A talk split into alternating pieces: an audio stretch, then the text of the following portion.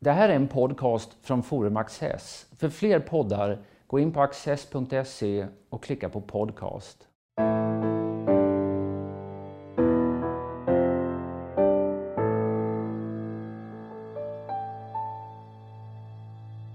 Välkomna till Studio Access. Min gäst idag är Tino Sanandaji, eh, disputerad vid University of Chicago, eh, forskare i nationalekonomi eh, och flitig deltagare i den svenska samhällsdebatten i både traditionella och nya medier.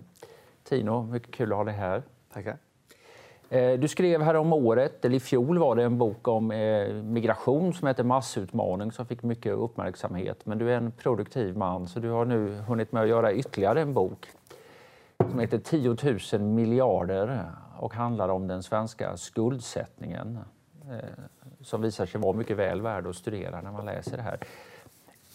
10 000 miljarder, det låter som en enorm summa. Hur vet man om det är mycket eller lite pengar? Mm, det är en bra fråga. Det bästa sättet är väl att sätta det i relation till hela ekonomin och de jämföra över tid och mellan länder. Så Sveriges ekonomi är ju att varje år nästan 5 000 miljarder i samlad produktion, BNP 4,8 000 miljarder. Men 10 000 miljarder är ändå för den privata sektorn gör att Sverige har världens femte högsta skuldsättning. Det är till och med så att det är inte 10 000 miljarder Nej. längre, utan det har blivit ännu mer. När jag, när jag började skriva boken ett år sedan, så satte titeln, då hade den svenska samlade privata skulderna, det vill säga företagen och hushållen, nyligen passerat 10 000 miljarder. Och eftersom, som sagt, du, du frågar hur vet man att det är mycket, eftersom jag vet ungefär vad som är normalt historiskt för Sverige så tyckte jag att det här är mycket. Det här, borde, det här borde jag skriva om.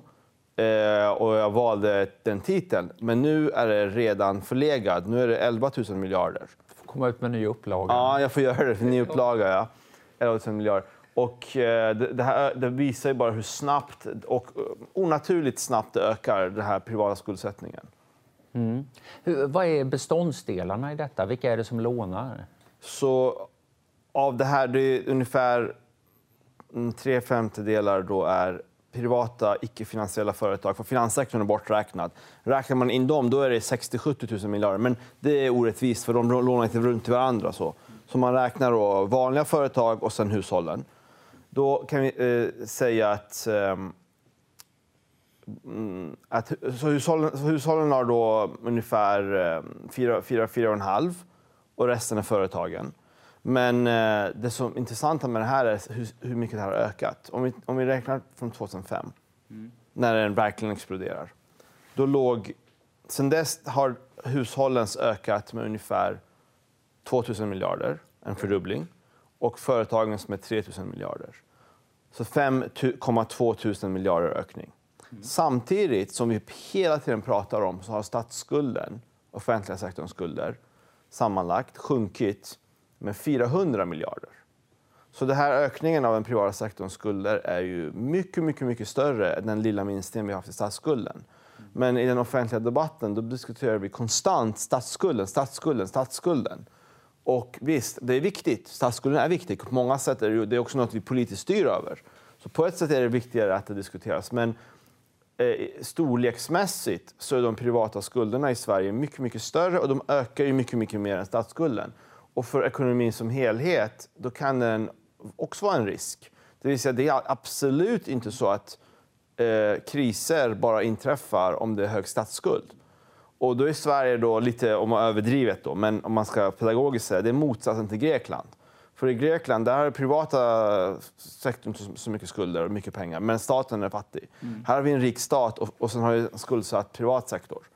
Men det har väl varit så i en del, när man tittar på den här eurokrisen och så, att det, om du tar Irland och ja, Spanien visst, och ett par länder visst. där det är där var det verkligen Correct. privat sektor, där får man en krasch och sen ja. blir staten ja. sittande med stora skulder som ett resultat av det. Helt men, men är Sverige, att vi har varit så fokuserade på statsskulden, är det liksom minnen från 90-talet och, och, den krisen? Jag, jag, jag, tror att det är det. Även om 90-talskrisen också var till stor del driven av den privata bostadssektorn, det glömmer man ju. Det är, det är bara att säga snabbt att eh, man har ju helt nu i efterhand förvanskat eh, hur vi minns 90-talskrisen. Jag tror att de flesta då minns eh, valutaproblemen och räntehöjningen, att det var det som, och, underskotten som orsakade krisen. Men krisen började ju två år innan ungefär, med bostadssektorn kraschar. Mm. Och det leder till en kedjereaktion med med valuta, valutan kommer under press, räntehöjningarna, underskotten ökar. Men det var inte, det var inte bara bostäder, utan även kommersiella fastigheter. Förlåt, fast, sa jag bostäder? Då, då jag sa fel. Jag menar fastigheter. Det var framförallt, som du helt korrekt säger, det var kommersiella, inte framförallt bostäder. Hur ligger vi till på den fronten idag? Det, är, det kommersiella är bättre, men även det är en riskfaktor. Eh, och um, även de har ju belånat sig. Och det, där kan man ju säga att privata företags skuldsättning överlag är inte lika problematisk som hushållen. För, av flera skäl. Det ena är att man kan kanske tro att de är mer rationella, möjligtvis. Och framförallt är det så att de är stora. Så ofta kan de ju tåla en smäll utan att de börjar dra ner sin, sina investeringar eller gå i konkurs och så vidare. Medan alltså, hushållen är känsliga. Det vill säga, hushållen är väldigt skuldsatta och det kommer en liten till och med nedgång. Mm. Men de här skulderna är så stora då i relation till deras inkomster att även en liten räntehöjning, liten prisras, arbetslöshet gör att de blir försiktiga, de börjar dra ner sin konsumtion och då riskerar ekonomin att hamna i en eh, nedgående cykel. Jag vill bara säga, för, förlåt, förlåt men ni har mycket tid här, att gå tillbaka till en annan poäng och vara uttömmande. För du sa 90-talskrisen. Jag tror att det är viktigt också på ett annat sätt var, var den här, varför vi pratar om det. Det är för att, som du på, påpekar, vi hade i Sverige en gigantisk eh, underskott 90-talet eftersom den här krisen kom. Sen hade vi saneringen av statsfinanserna. Det var väldigt framgångsrik och används i många länder som en förebild. De ändrade reglerna. Alltså Lindbeck hade Lindbeckkommissionen. Man har jättesmarta, fiffiga lösningar att man helt enkelt designar systemet så att vi, staten har överskottsmål och det är svårt att öka utgifterna. och så där. Det gör att Sverige har nu och har, och har lång tid haft överskott i offentliga sektorns finanser. Man har betalat av statsskulden och vi har en av världens minst skuldsatta stater. Och det ser bra ut, statsskulden. Det har blivit lite sämre på sistone, men det är ändå bra.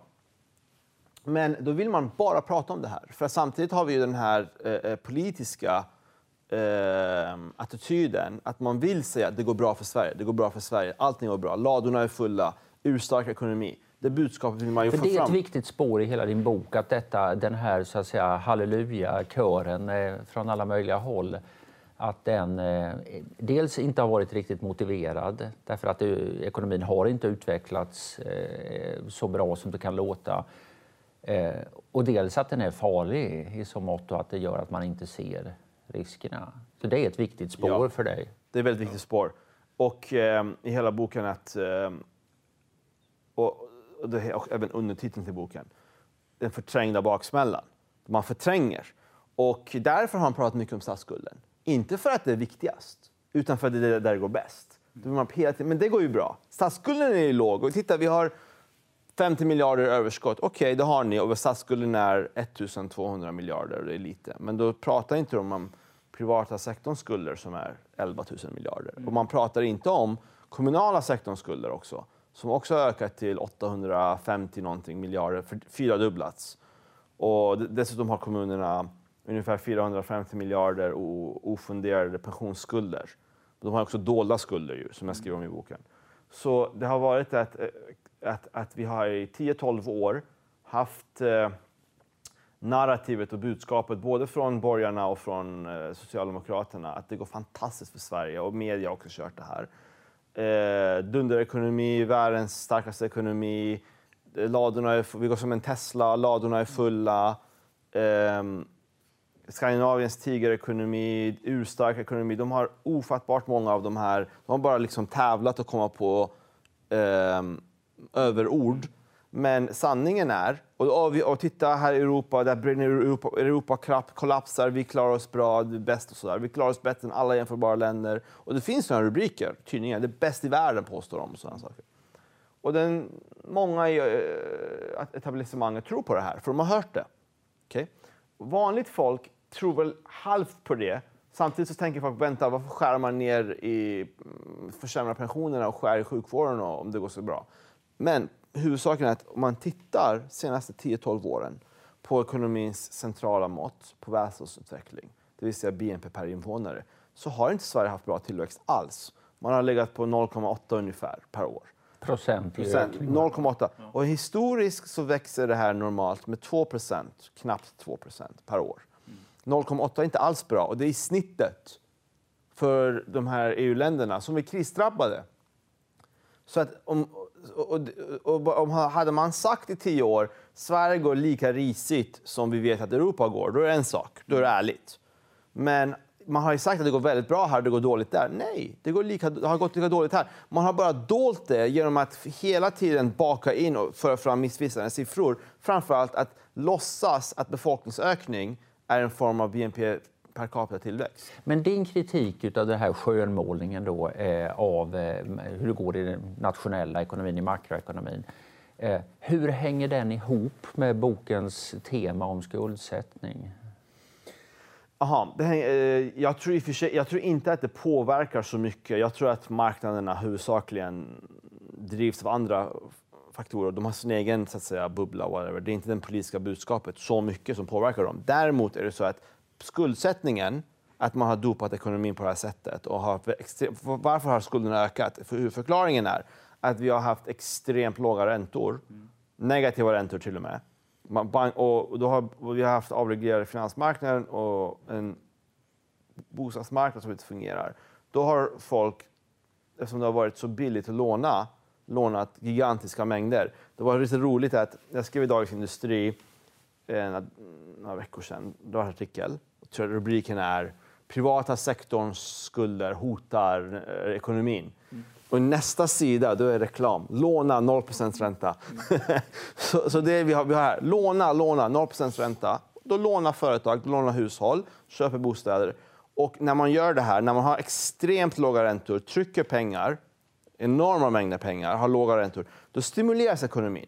Okay? Man får en dopning, man får en liten boost. Folk konsumerar, de bygger lite mer, företagen får, staten får naturligen överskott, för de betalar kommunerna, de betalar inte räntor på sina lån. Då, får de, då ser det ut starkare än det är. Allt det här boostar ekonomin lite. Men det på sikt bygger upp obalanser som leder till nedgång. Det här är uppenbart och det här står. Det här är inte något eh, som vi ser massutmaning. Det var en bok om problem som i princip inte nämndes i media. Men det här nämns i media. Det här nämns tydligt i tidningarnas specialiserade affärsdelar. De som är experter, de och Finansinspektionen, Riksbanken, Konjunkturinstitutet, de är medvetna om det här. Att de här problemen att Sverige har, utöver att man inte har speciellt bra tillväxt, så har man fått till och med den här svaga tillväxten genom en dopning som vi vet är ohållbart. Och vi har byggt upp då de här skuldberget som troligen är ohållbart och kommer att sluta med en nedgång. Ändå har inte det här penetrerat den offentliga narrativet, offentliga debatten. Och om vi tittar på valrörelsen Ja, den var helt fri från helt ekonomiska fri. Ekonomin nämns knappt Nej. i valdebatterna. Det måste vara första val i min livstid när vi knappt pratar ekonomi. Pratar man ekonomi då är det fragmenterade små frågor. Mm. Man pratar om vårdköer. Man frågar sig inte varför har vi inte resurser till sjukvården. Man pratar om, lite grann om kommunernas kommande underskott. Men ingen i princip säger okej, okay, men varför har kommunerna underskott nu om det går så bra? Är inte det för att egentligen går inte det så bra. Utan vi har befolkningstillväxt, vi har inte BNP per capita-tillväxt. Och vare sig borgarna eller regeringen pratar, jag tror skulderna, privata skulder nämns aldrig. Aldrig, jag, jag tror inte jag har hört det här. BNP-frågan, eftersom jag, Hassler, eh, några ledarsidor bara upprepade det här i ett halvår, så till slut av valrörelsen så nämns det lite grann att men vänta nu, vi har inte alls jättebra, vi hade 2017 enligt vissa mätningar lägst tillväxt per invånare just det året mm. i EU. Och det här penetrerar lite grann, men inte alls fullt. Samtidigt är det så att bland väljarna så var ekonomin en viktigare fråga ändå. Det var viktigare än invandringen. Bland, borgerliga väljare, bland moderatväljare näst viktigaste frågan, varför de röstade. Eh, och överlag var det en femte, kanske sjätte, sjätte, sjätte. Enligt den här vallokalsundersökningen. Ja. Så väljarna bryr sig om ekonomin. Utan vi har haft en konstig situation då att väljarna är lite mer så här nördiga och bryr sig om viktiga frågor. Men politikerna pratar bara symbolfrågor. De pratar om att jag har rest i eh, Sovjetunionen och sittat på massgravar, sådana här saker. Och nazismen ska vi stoppa. Och, eh, Eh, antingen så pratar de om den här sortens emotionella symbolfrågor som egentligen är ganska långt ifrån svensk, svensk verklighet. Eller så pratar man fragmenterade småfrågor. Ja, vad ska vi göra med... Eh, vi ska ge 100 miljoner mer till eh, det här speciella programmet för att öka vårdplatser. Mm. Sådär. Mm. Man pratar inte på strukturell makronivå. Hur går det för ekonomin? Vem ska, vem ska betala välfärden? Och jag tror att det finns en föreställning, det här med BNP per capita. Det är en, det är en abstrakt fråga de lärde strider om. Nej! BNP per capita är inte alls abstrakt. BNP per capita är det som avgör välfärden. Men under lång tid har det ju varit så att, eh, och, och, ända sedan Reinfeldt blev partiledare kan man väl säga, att väldigt mycket av den ekonomiska debatten har handlat om arbetsmarknaden och ja. jobben. Just det. Och, eh, och då är det ju så att, att liksom, eh, arbetslösheten är ju extremt låg, som Reinfeldt då sa, bland etniska svenskar mitt okay. i livet. Att liksom etablerade människor, de som röstar i hög grad, där är, upplever man inte ett hot om att bli av med jobbet. Kan, jag misstänker okay. att det kan vara en förklaring. Fair enough. Eh, ja, det är ju dåligt på ett sätt, för det finns många som inte har jobb som skulle behöva det. Och liksom det finns en, eh, man skulle behöva ha den diskussionen men, kanske även mer intensivt. Men det är bara en tanke, det, det, kan vara ett skäl. Nu rör vi oss över till, tillbaka till skulderna. Okay. Um, men får jag säga snabbt om arbetslösheten om det också? Snabbt, ja. snabbt. Men arbetslösheten, visst, den är låg bland eh, eh vissa grupper och 3% kanske 3,5 bland eh, eh, svenskfödda. Men historiskt när Sverige hade högkonjunktur kunde arbetslösheten vara 2% för alla. Den är 6,5. Mm. Det är inte jättelåg Nej. i helheten. Och mycket av det här är fejkjobb. Att man, man sätter folk i åtgärder så kallar man det jobb. Eller de har, jobbar en timme i veckan eller går, praktik räknas också som jobb. Mm. Och, och Reinfeldt säger du. När Reinfeldt kom till makten 2006 då var det också en högkonjunktur. Mm. Mycket starkare än nu. Mycket större underskott, överskott än nu. Eh, eh, ehm, mycket starkare tillväxt än nu. Och då hade de, Socialdemokraterna gömt undan några tiotusen personer i åtgärder. Och det kör de stenhårt på. Mm. Göran Persson döljer arbetslösheten, det är mycket högre egentligen och sådär. Okay? Nu har de dolt mycket fler, både Alliansen och Socialdemokraterna, i de här fejkjobb och åtgärder som inte är riktiga jobb. Mm. Men det pratar de inte om. Nej, men min poäng skulle väl möjligen vara att i den, i den politiska debatten så, eh, så funkar inte medelvärdena längre. Därför att okay. man har olika grupper. Du, du, har liksom, det är en del av segregationen som ju alla talar om som ett problem i andra sammanhang. Så liksom, det finns en grupp där det går, tycker det går ganska schysst och bra eh, och en grupp som är, eh, har det besvärligt, men den är mycket mindre och då får inte den samma genomslag. Jag kan, mm, tänka, jag mig, jag kan tänka mig att Så det är här skulle jag uttrycka men, det istället. Men, men, men ja. vi, måste, vi okay. måste över till skulderna nu här och då, då är det så här att privata skulder, du säger stat, de statliga skulderna är inte alls ett problem av den magnitud som, som den politiska debatten låter göra gällande. Problemet finns i den privata sektorn i högre grad. Eh, och då talar vi i realiteten om bostadsskulder, gör vi inte det? Ja. ja. Varför har vi så enormt... Fyra femtedelar av hushållens skulder ungefär är, är bolån. Det utmärker Sverige. Vi har väldigt hög skuldsättning för bostäder. Vad är, vad det utmärker inte Sverige att det är hög andel. Däremot är de stora. Alltså de flesta länder så är av skulderna är det bostäder. Okay, ja. mm. Men däremot är de ja. jättes, jättestora. Så, så är det. Varför? Det, det, ehm, förmodligen, är det, förmodligen är det för och det här ska jag säga, mycket av det jag säger i den här boken, till skillnad från massutmaning, är ju eftersom det är makroekonomi och inte är bedömningar och det finns inte en exakt vetenskap på det sättet det gör i andra frågor. Eh, en bedömningsfråga. Det är att vi har haft extremt låga räntor. Okay? Så, så normala räntor kanske kunde vara 6% säger vi, betalar min om man Nu är räntorna 1% kan man betala. Okay? Mm. Eh, samtidigt har vi haft en eh, bostadsbrist. Och när räntorna gradvis sjönk, då började människor, och det var lätt att låna, så började människor låna och buda upp för att köpa en bostad. Vad ska, jag kan väl låna en miljon till kostar mig några hundralappar och låna en miljon till. Då får jag en bostad jag vill ha. Och sen för det här är en säker investering. Det har ju gått upp. Det har gått upp i 15 år. Liksom. Det är inga problem. Och, och, de som gjorde det här innan mig, de har ju blivit rika, mina kamrater, grannar. Varför skulle inte jag göra det? Och folk gör det här kollektivt. Så, så ökar hela tiden skuldsättningen. Mm. Och bostäderna blir inte fler av det här, för de köper från någon annan. Och nästa steg, nästa år, då är priserna... Så det var 4 miljoner och jag lånade en miljon till. Jag köpte den för fem. Så om ett, ett par år kommer någon och säger nu vill jag, jag låna 5 miljoner och köper den för, för dig av 6. Så kommer nästa person, nästa person. Så ökar hela tiden. Och eh, när räntan är nära noll, då kan du låna nästan vad som helst. Vilken pris som helst blir då realistiskt. Tidigare satte ju eh, månads, månadsräntan du skulle betala satte ju i praktiken ett tak för hur mycket människor kunde låna med sina inkomster. Eh, det, är, det är kärnan av, eh, av varför bostaden har gått upp i värde. Och sen har vi haft förmodligen en bubbla i bemärkelsen att eh, även om räntorna är temporärt låga så är det inte säkert att människor skulle ha ändå gjort det här. För de hade tänkt, fan, är det verkligen rimligt att vad är valet 2002 Göran Persson säger till Bo Lundgren, det var liksom slagkraftigt, du bor i en villa i Djursholm för 6 miljoner. Vad kan du få för 6 miljoner i Stockholm nu? Liksom? Det, det, det, det är ingen Djursholmsvilla. 6 miljoner då var ju otroligt mycket pengar. Du kan knappt få en eh, bostadsrätt för 6 miljoner i Stockholm nu.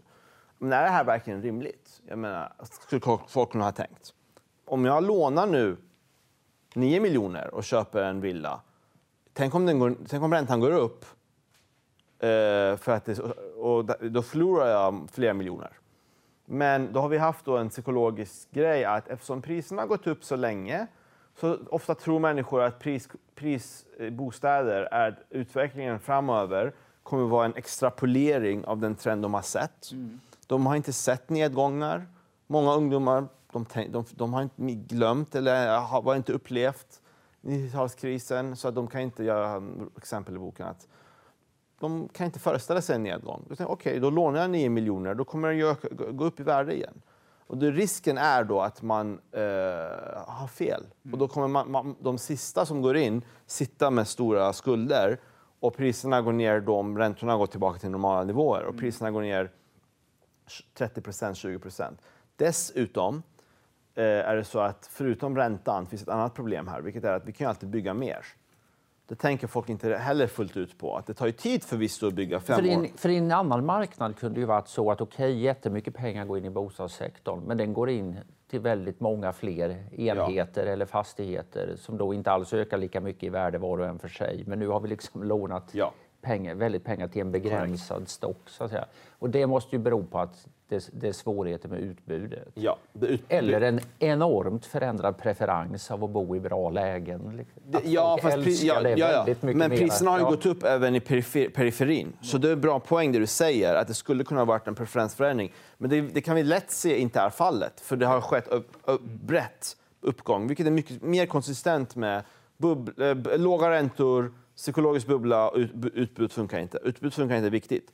För vi bygger inte i Sverige. Vi är jättedåliga. Vi, vi, vi har byggt lite grann de senaste åren, men då, det krävs... Och nu sjunk, det var en artikel igår om det här. Det rasar igen. Ja, speciellt sådana här mycket dyra objekt. Va? Priserna där rasar, ja. ja. Jag menar, nybyggnationen rasar. Okay, ja. Du har helt rätt. Mm. Jag behöver vara tydligare. Mm. Priserna rasar ju, visst. Men ännu viktigare är ju att eh, så här, byggloven, för jag menar byggprocessen i Sverige är fyra, fem år. Mm. Så vi vet ju ungefär hur många bostäder som kommer byggas om fyra år. För vi kan ju kolla hur många bygglov söker de. Mm. Och nu söker de 40 procent färre.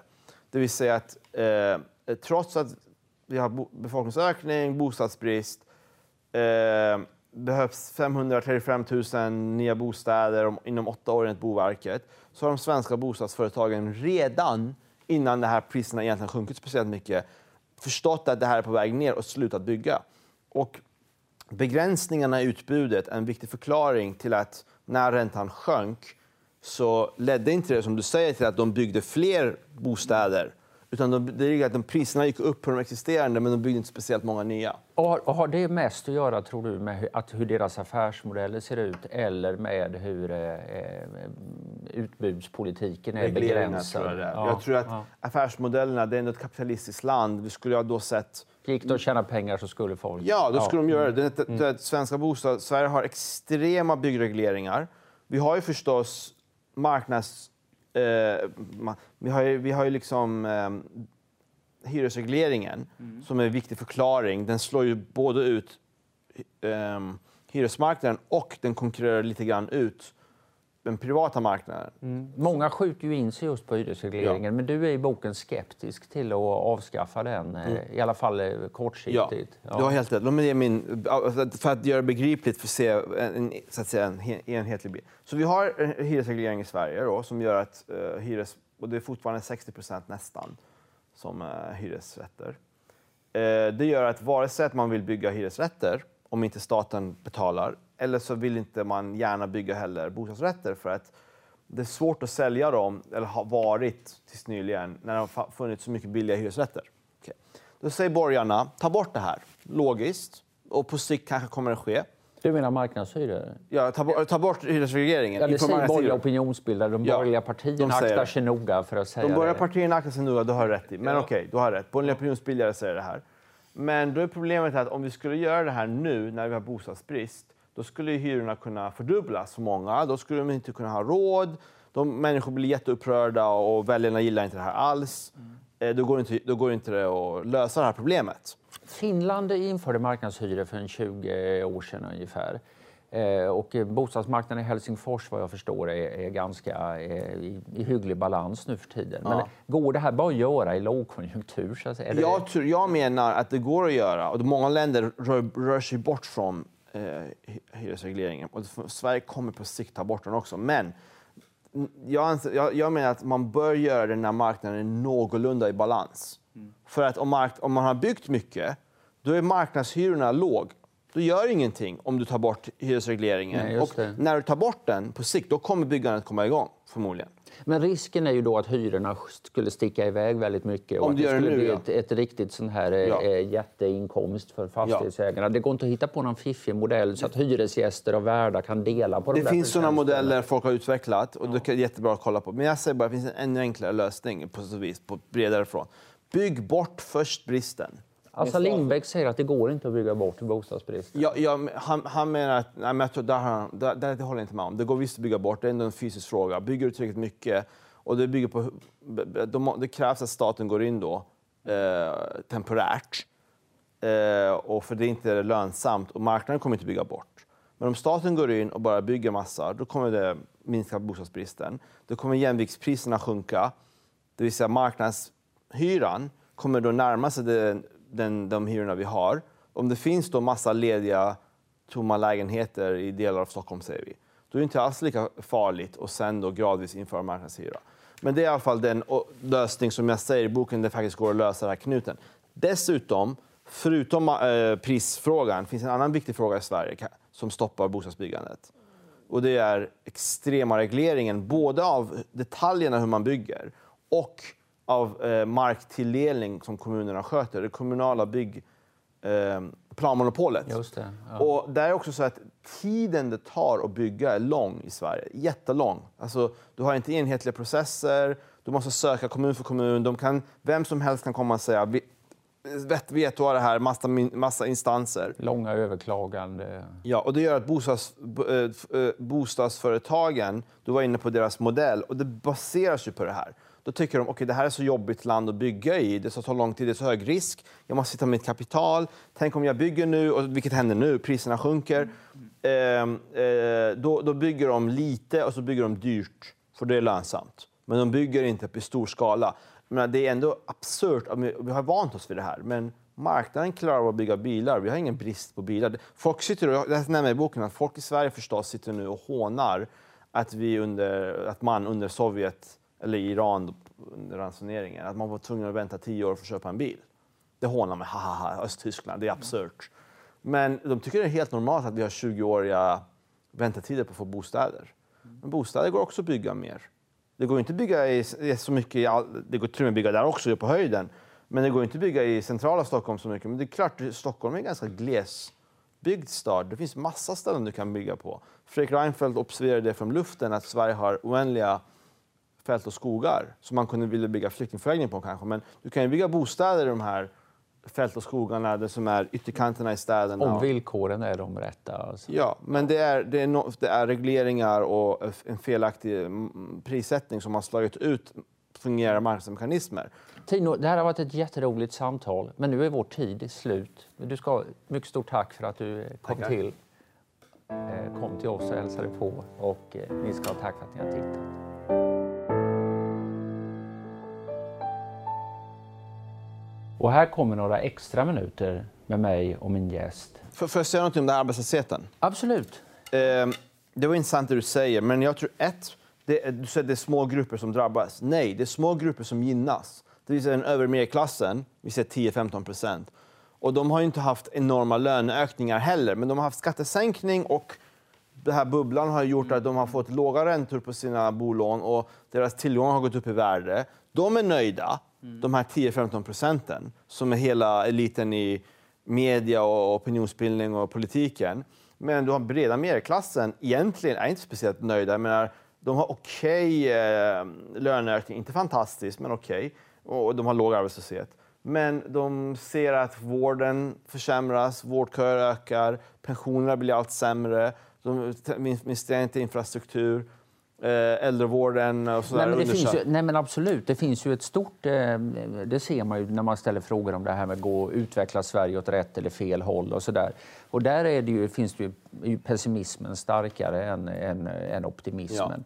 Ja. Eh, jag menar bara liksom att en, en förklaring till att just de här ekonomiska frågorna som, som ekonomi inte får samma roll kan ha med detta att ja, göra. Det kan vara så, men jag tror också att de har, folk hör på tv om och om igen det går bra för Sverige och det är abstrakt. Okay. Mm. Om jag, alla experter har sagt det här 30 gånger och ingen har sagt emot, varför skulle jag gå och säga att det går dåligt? Då tänker de, då förstår de inte fullt, de, tänker, de sätter väl inte ihop, kopplar inte. Hade någon sagt då till dem, eh, nej, nej, det går inte alls bra, det är därför vi skär pensionerna, det är för att vi har låg tillväxt i BNP per capita, då tycker jag ah, det låter ju också rimligt. Så jag tror att narrativet där förklarar att folk, det här förenklade budskapet, det går bra. En intressant sak som jag har hört dig säga i ett annat sammanhang är att eh, det kan mycket väl vara så att väljarna i Sverige skulle välkomna att folk blev lite strängare, alltså deras politiker ja. blev lite strängare och talade mer klarspråk om hur det verkligen ligger till. Du, du tror på svenska tål ja, men de är, de är ju puritaner och ja. dystra av sig och liksom har en kultur, oj, oj, vintern kommer sådär. Och, vi, vi, och det, det såg vi i 90-talskrisen, att det bara, nu ska vi skära ner ordentligt. Det var de, de, och de protestantiskt kulturella länderna, det skrev jag en artikel om några år sedan, de har en helt annorlunda reaktion på eh, kriserna. Så i grekiska, eh, Grekland, ortodoxa och så katolska länderna, där vill de inte ha austerity och de tycker att eh, de blir arga och populistiska så att säga. Och mm. Varje grupp säger nej, de andra får skära. De rika säger nej, de skär, skär pensionerna. Mm. Och de fattiga säger ta de rikas pengar, vi ska inte skära. Men de protestantiska länderna, där brukar de när det blir nationella kriser, då reagerar de annorlunda och då, då vill folk skära brett. Och liksom. de, har, de har mycket mer puritanism helt enkelt. Och de, det ligger någonting i det här, både i Sverige och andra nordeuropeiska länder finns det den här intressanta tendensen att de, de, gillar lite, de gillar stränga ledare som säger hårda saker. Här finns en... De gillar kamp och de, jag tror att det finns faktiskt långt historiskt den här idén att på grund av klimatet kanske, att det finns en idé att det, det kommer dåliga tider och då ska vi vara förberedda och spara för dem och då, då, då ska vi liksom ha en eh, krisberedskap helt enkelt. De gillar idén med krisberedskap väldigt mycket. Jag tror inte att folk är helt nöjda med eh, den här lite lättsamma politiken. De tycker det är för mesigt. Mm. Jag, tycker det, det, det, jag ser på mina läsare och deras kommentarer. Det tyder väldigt mycket på att de, de väldigt gärna, nästan vill höra att, eh, att det går dåligt, att vi ska skära och nu, nu gäller det att dra åt svängrommen Och, och skulder. Det, svenskarna har ju enorm, också, det tycker jag är bra på så vis, skuldaversion. Det är en psykologisk term också. Att många, många människor, trots att det är lönsamt, lånar inte. Man tycker det är fel att låna. Vad Göran Persson säger, den som är skuld är inte fri. Det finns massa... Har... Men man får inte riktigt den känslan när, du eh, läser, när jag läser hur du beskriver hur skuldberget har eh, stegrats här. Folk verkar glömma bort de där gamla de, puritanska idealen. Jag tror inte att de har glömt bort dem. Jag tror att de eh, har gjort det för att det har, varit, det har framstått som ekonomiskt rationellt för dem för att kunna få en bostad att låna och det har blivit en process. Folk har vant sig. Det, bankernas norm har varit ta massa lån, det är okej. Okay. Alla andra gör det här. Och en del är väldigt nervösa över det här också. Tycker inte om den här höga, höga skuldsättningen. Om den här sku höga skuldsättningen är ett problem, tycker du då det är relevant att tala i termer om att det är någons fel? Vems fel är den här skulden? Jättebra fråga. Det skriver jag i boken. Då, att, nej, jag tror inte det är någons fel. Jag tror att det här, eh, eh, en del av de här fenomenen har uppkommit eh, av processer vi inte hade förutspått. En global utveckling av räntorna. Sen hade vi krisen då. Vi hade inflationstakten sjönk. Vi, vi, vi hade problem med inflation. Okej, vi, vi inflationen. Vi tänkte inte på att när vi gör det, då, då kan vi hamna i en situation när realräntorna också är låg. Då hamnar totala räntorna på nära noll. Eh, och när, vi vill inte gå in på det men hamnar man i den här likviditetsfällan, då kan inte Riksbanken enkelt få tillbaka upp räntan. Så det är en sak. Sen avreglerar man ju gradvis finansmarknaderna och så där. Det ledde ju till att folk lånar mer. Eh, och kombinationen av de här faktorerna, det har, det har, inte varit någon ideologi riktigt bakom. riktigt. Finansmarknaderna kanske lite, men absolut inte det andra. Både vänster och höger, det är inte höger-vänster-fråga. Okay, det är abstrakt, eh, det finns ingen eh, ond figur du kan skuldbelägga för det här och det finns ingen stark känsloelement i det. Därför diskuterar inte vi det speciellt mycket. Så till exempel har ju förmodligen den här lågräntepolitiken i Sverige och andra länder varit en enskild viktigaste förklaringen till att ojämlikheten i uh, wealth har ökat, mm. i förmögenhet. Som till exempel Piketty skrev en bok om. Och, och de forskare som granskade hans bok sa visst, han har rätt att ojämlikheten ökar. Men han förklarar inte mekanismerna korrekt. Utan väldigt mycket i Frankrike som han skrev om. Det var ju bostadspriserna som hade ökat. Det var en bubbla eller så. Men den, de där abstrakta som saknar en figur, en, en agent och som inte kan skiljas på en fiende, de tycker inte vi är roligt i vårt politiska system att diskutera. Utan vi tycker det är mycket, mycket bättre om enkla, lite spännande och moraliskt laddade... När det finns en skurk. Ja, det finns ja. en skurk. Det är vita männens fel, det är USAs fel, det är bankernas fel, det är nyliberalernas fel, det är sossarnas fel, det är socialisternas fel. Då är det lätt att, att försöka skapa opinion. Men vad du säger är egentligen att en medborgare som vill ha reda på vems fel det här är, han ska gå och titta sig i spegeln? Ja, mycket bra sagt. Det, jag, jag, jag, jag avskyr frågan när de alltid säger men vems fel är det då? Vems fel är det då? Det, det säger de i intervjuer. De tror att, varför måste någonting vara någons fel? De det är ju på, väldigt bra sagt av dig och på en väldigt djup nivå. Varför människor är kanske programmerade och, och tror det här. Att allt dåligt som händer är någons fel och äh, hittar de inte så skyller de på att det var djävulen som gjorde någonting. Ja. De flesta dåliga saker är ingens fel. Det, världen är inte på det sättet. Ju. Det är en nihilistisk värld som styrs av som ingen styr och som händer mycket av slump eller um, nära slump, saker som oförutsedda, oförutsedda komplexa saker. Mm. Och ekonomin ofta har ingen skurk. Den, och det här är också viktigt, då, eh, det här frågan om skuldsättning, skuld, eh, moralisk skuldsättning, inte, inte den andra skuldsättningen. Det är att vi har väldigt ofta haft då i historien djupa eh, finansiella kriser och marknadskrascher. Och det här verkar vara en återkommande fenomen eh, som har en inbyggd fel kan vi säga, med kapitalismen. Då att det sker det här. Och människors masspsykologi och marknadernas masspsykologi. Och när det sker så är det väldigt svårt att förstå varför skedde det. Jag menar, varför plötsligt någon grekisk småföretagare som har jobbat hårt hela livet och de har idéer om rätt och fel och sådär. Plötsligt blir de utblottade för att det sker någon spekulation i amerikanska bolån och och det spiller över till Grekland och så händer det här och de förstår inte alls vad som har hänt. Om någon försöker förklara det här då krävs det en doktorsavhandling i nationalekonomi och nationalekonomerna förstår ju heller inte. Ju. Doktorsavhandling räcker ju bara till att åtminstone ha, ha halv diskutera det här. De fattar inte. Jag fattar heller inte. Hund. Vi förstår ju inte fortfarande konjunkturcykeln. Varför finns en konjunktur? Det är ingen som fattar helt. I alla fall, det är abstrakt. Och då hittar de på skurkar. För vi, med vår psykologi klarar inte av att vi har en preferens för reala förklaringar som är begripliga. Mm. Då säger man det var bankernas fel, det var EUs fel, EU säger det var grekernas fel för de är lata. Mm. De, man, människor vet, och Merkel kör den här, vilket jag är kritisk mot, att, så att säga, polemisera och moralisera över det som hände. Och det finns kärna av sanning att, att grekerna hade levt över sina tillgångar, men det är absolut inte huvudförklaringen. Huvudförklaringen är liksom de här abstrakta finansiella eh, händelserna. Och jag säger också i boken att ibland i historien, de här mm, efterhandsreaktionen på nedgången, för nedgången, sen, sen, går det upp igen ju. Det vet vi också. Det, det, har varit mycket värre än själva krisen. Till exempel att man har pro, pro, vad kallas det? Pro, progomer?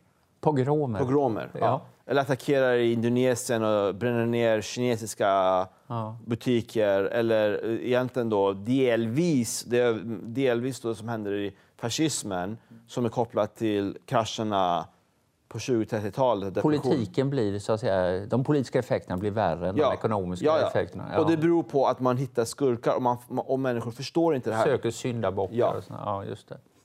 Tino, vi skulle kunna hålla på jättelänge ytterligare, men vi får lov att sätta punkt här nu. Tack så hemskt mycket för att du har varit här. Fantastiskt.